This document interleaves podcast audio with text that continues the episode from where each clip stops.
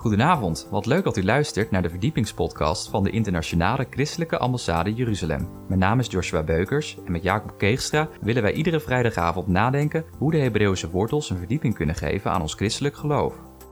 In deze aflevering gaan wij het hebben over God is getrouwd met Israël. Het oude en het nieuwe verbond met Israël gesloten.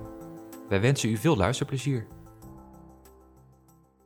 Gemeente, ook van mijn kant, goedemorgen. Want ik heb een boodschap over het nieuwe verbond. Nu hebben we net aanschouwelijk onderwijs gehad. Smaakt en ziet dat de Heer goed is. Dat we door zijn streamen genezen zijn. Maar ik wil met u vandaag nadenken over het nut en het doel van het nieuwe verbond. Waarom is dit allemaal? Ik zal niet de vraag stellen, is dit allemaal voor ons? Want u hebt het al genuttigd. Waarom is er een nieuw verbond nodig? En wat is het doel wat God daarmee voor ogen heeft? Juist als wij als christenen avondmaal voor onszelf vieren, maar daar ook van willen getuigen. Is goed om te weten wat het doel is wat God voor ogen heeft met het nieuwe verbond. Laat ik beginnen met de tekst uit Galaten 3. Want was ook al blij met het zegengebed over het avondmaal, dat het draait om geloof. En ook de tekst die ik vandaag met u wil lezen, Galaten 3 vanaf vers 6. Het begint namelijk nooit met geloof. Alles in de Bijbel begint bij God. God die iets zegt, God die iets doet, God die iets belooft. En dan is het de vraag voor ons als mensen, hoe reageren wij daarop? En zoals met alles, de ene helft gelooft het en de andere helft gelooft het wel. Zo lezen we ook bij de vader van alle gelovigen, Abraham, in Gelaten, 2, Gelaten 3 vanaf vers 6. Zoals Abraham God geloofde. Dus God sprak iets tot Abraham. God deed iets. God beloofde iets. En dan is de reactie van Abraham. Kunnen we dat serieus nemen? Kunnen we daar vertrouwen in hebben? Kunnen we daar ons geloof in stellen of niet? Blijkbaar is God zo overtuigend dat Abraham gelooft. En nu, wat is het effect daarvan? Leest u mee. Zoals Abraham God geloofde, en dat geloof werd Abraham tot gerechtigheid gerekend. Nou, dat zijn ook allemaal weer van die mooie kanseltermen, gerechtigheid. Wat is dat? Dat is dat al zijn ongerechtigheden verzoend zijn. Avondmaal heeft alles te maken dat onze zonden en ongerechtigheden verzoend zijn. Oké.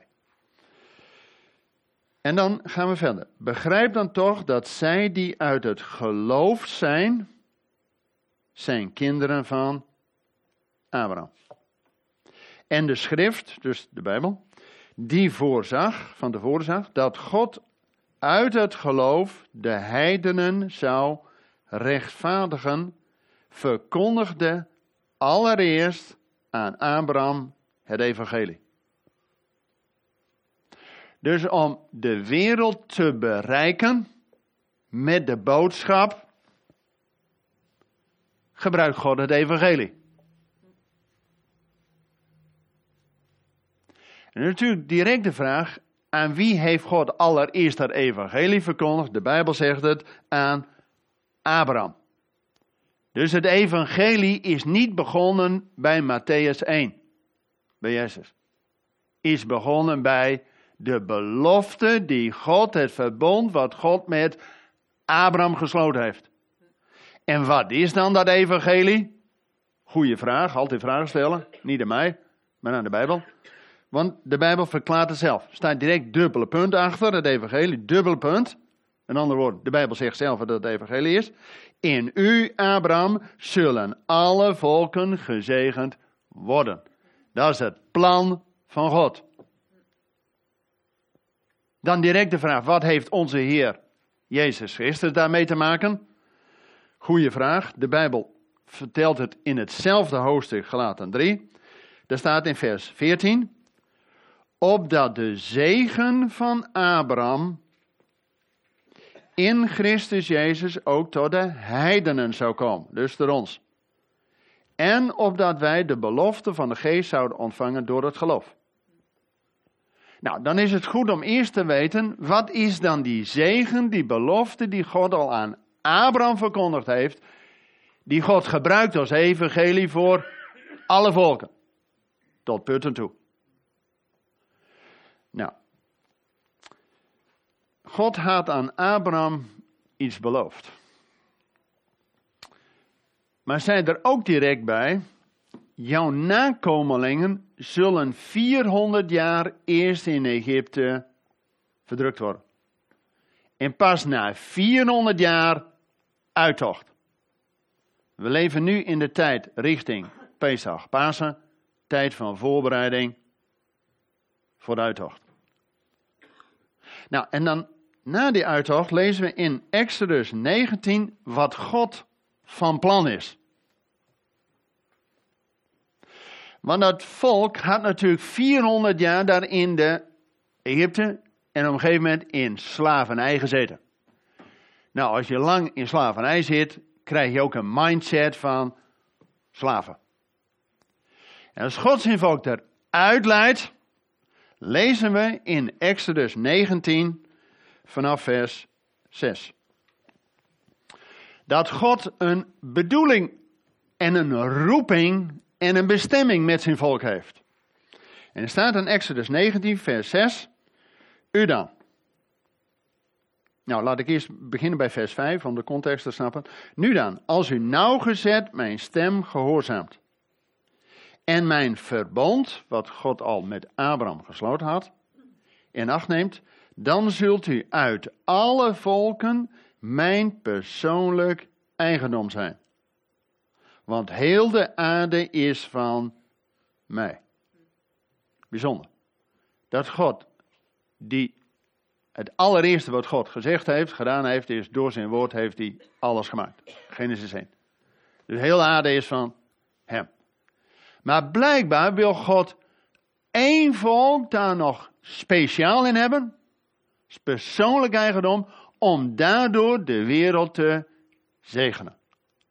Want in u, Abraham, zal ik alle volken zegenen. En dan geeft God, lees u met me mee, u dan. U zult voor mij tot een koninkrijk van priesters. En een heilig, dat wil zeggen apart gezet volk zijn. Dit zijn de woorden die u tot de Israëlieten moet spreken. Dus God heeft van die slaven, wil God hun naar een koninklijke positie brengen. Dat duurt even. Voordat je die mindset hebt. En dan direct het hoofdstuk erop. U kent het ongetwijfeld, Exodus 20. Waar bij ons staat de tien geboden. Maar het is maar de vraag of het tien geboden zijn. Weet u, de Bijbel komt in verschillende beeldtaal tot ons. Zoals Jezus ook steeds spreekt over het koninkrijk der hemelen, of het koninkrijk van God. En dat maakt hij praktisch in beelden gewoon uit de natuur. Gelijkenissen. Van de zaaien, van het onkruid en uh, noem al die dingen maar op. En die taal kende men. Zo komt de Bijbel ook in verschillende beeldtaal tot ons. Hier in Exodus 19 van een koninkrijk. Nou, we weten allemaal koning en dienaren. Dat is een beeld. We kennen ook een beeld van een kudde. Met een herder en zijn schapen. Nou, u zit hier op de Veluwe.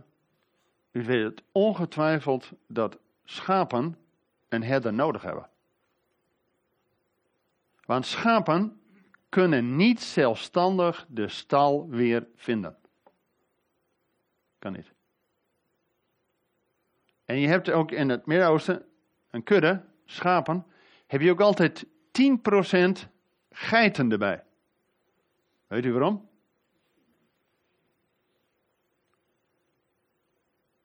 Gewoon een beeld uit de natuur. Die geiten, die stoten overal tegenaan. Die willen de grens opzoeken. Dat zijn de pioniers die altijd wat anders willen. Heb je ook in een groep nodig. Je hebt af en toe mensen nodig die gewoon niet als uh, kudde bij elkaar uh, hokken. Maar even wat anders. Uit je comfortzone. Maar daar moet je niet te veel van hebben. Nee, lastig. 10 procent. Zegt Gods woord. Dat is een beeld uit de natuur. Maar er is ook een beeld van een huis. Laat u vormen tot een levende steen voor het huis van de Heer. Dat is ook een beeld. Maar er is ook een beeld. Het heeft alles te maken met het nieuwe verbond. En dat gaat over een huwelijk. Want als je de tien geboden zijn trouwens geen tien geboden, maar tien leefregels om te leven in het koninkrijk van God. Maar God niet alleen de koning is, maar ook de bruidegom. Als je de tien geboden eens leest als een huwelijkscontract, precies dezelfde vorm en inhoud als een huwelijkscontract. God is degene die zijn volk bevrijd heeft.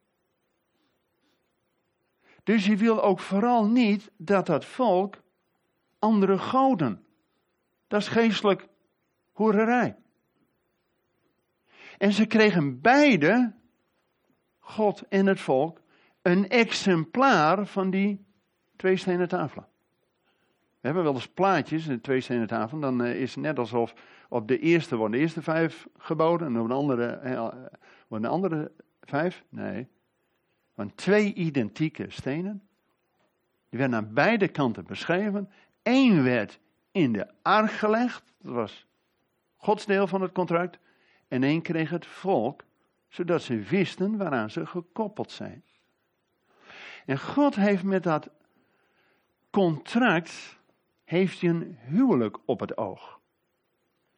Niet voor niks met Pesach, Pasen, is de feestrol die Israël al 3000 jaar leest, is hooglied. Hooglied gaat om het huwelijk tussen God en zijn volk. God heeft, als je in de Bijbel zo leest, God heeft bewust zijn volk uit Egypte in de woestijn geleid om tot haar hart te spreken. En leefregels voor het koninkrijk te geven. En dan komen ze in het beloofde land. Ja, en als je één keer arrivé bent, voordat je het weet, vergeet je. Dus Israël hield zich gewoon niet aan het contract, het huwelijkscontract tussen God en zijn volk. Als je daarvan leest, nou, de helft van de profeten uit het eerste verbond, eerste verbond, gaat daarover. Bijvoorbeeld Hosea. Hosea heeft dezelfde naam als Jehoshua, als Yeshua, als Jezus. En op een gegeven moment zegt God in Hosea, u bent mijn volk niet meer. Ik walg van al die toestanden. God gaat het het is op een gegeven moment zo erg dat in Jeremia 3 staat dat God zijn volk gaat zijn volk een scheidsbrief meegeven. Nou, dan is het over en uit. Het volk heeft het gewoon verprutst. Lees bijvoorbeeld dat hele hoofdstuk Ezekiel 16. Waar het gaat over, maar u vertrouwde op uw schoonheid en bedreef hoererij trots op uw naam. U hebt hoererijen uitgestort over ieder die voorbij trekt en uw schoonheid was voor hen. Nou, dat hele hoofdstuk gaat over het verdriet van God als huwelijkspartner over zijn bruid, zijn volk Israël. Dus God walgt ervan op een gegeven moment. Dus geef God zijn volk een scheidsbrief mee. Dan is het eerste verbond passé. En de Bijbel zegt op twee plekken, heel uitdrukkelijk, in Deuteronomium, ik was blij dat we ook al Deuteronomium hebben gelezen, de schrift is één. Er staat, zolang een huwelijk er is, is de vrouw gebonden aan haar man.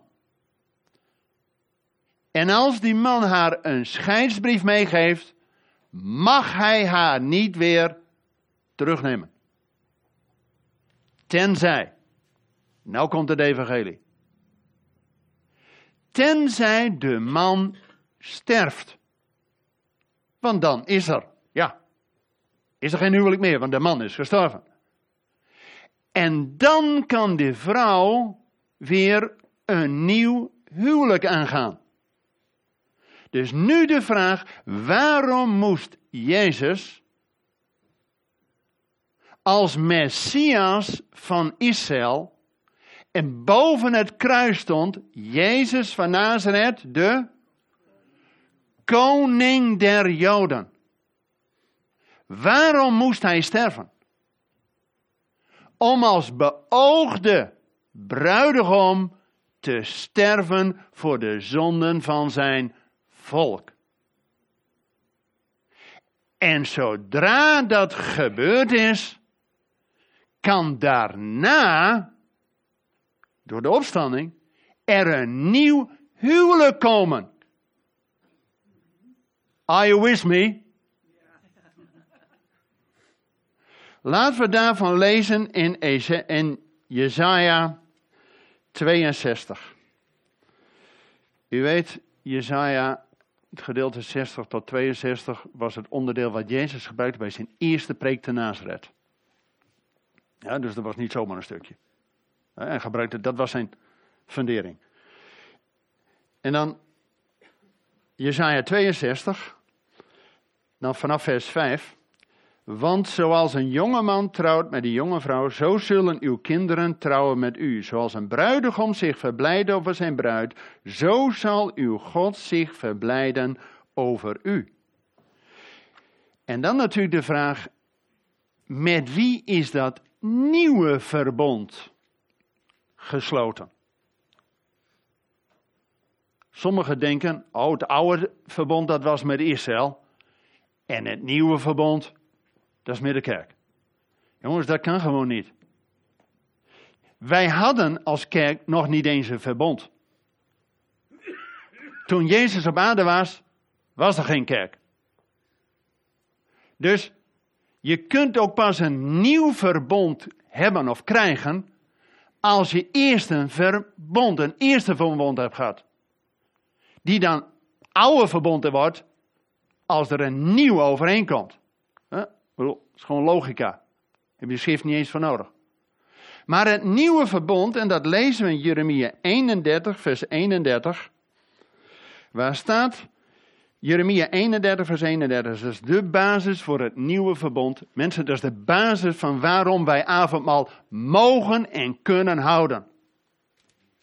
Laten we lezen, Jeremia 31. Zie, er komen dagen, spreekt de Heer, dat ik met het huis van Israël en met het huis van Juda een nieuw verbond zal sluiten.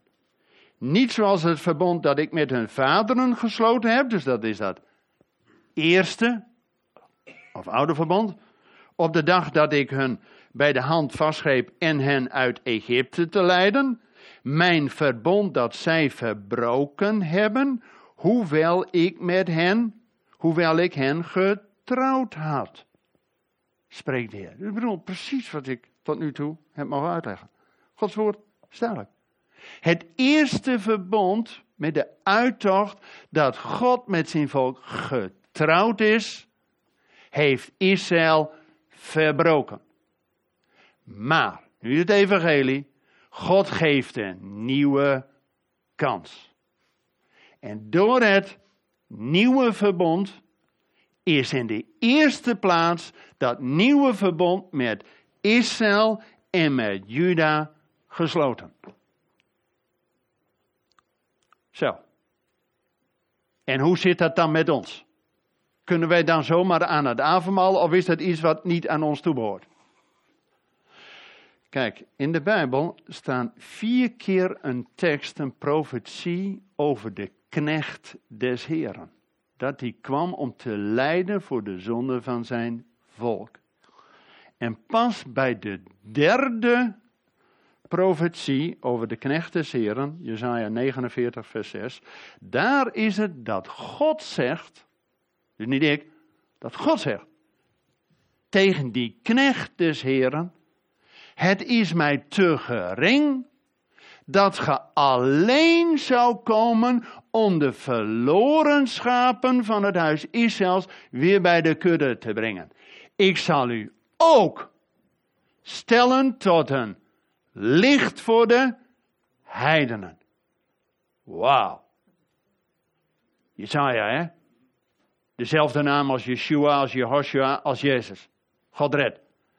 Dus daar wordt het evangelie geopend, ook voor de volkeren. En dat is wat we gelezen hebben in Galaten 3, dat door het geloof in Jezus, dat die zegen van Abraham ook voor ons mag gelden. Mensen, dit is evangelie. Dan kunnen we er tenminste, hebt u niet onrechtmatig daarvan genuttigd dan is het door het geloof dat wij geënt zijn op het volk en delen in de beloften, in de zegen, maar dan ook in de roeping. Nou, de roeping. Dit is het fundament. Amen. Maar wat heeft dit nou allemaal voor nut?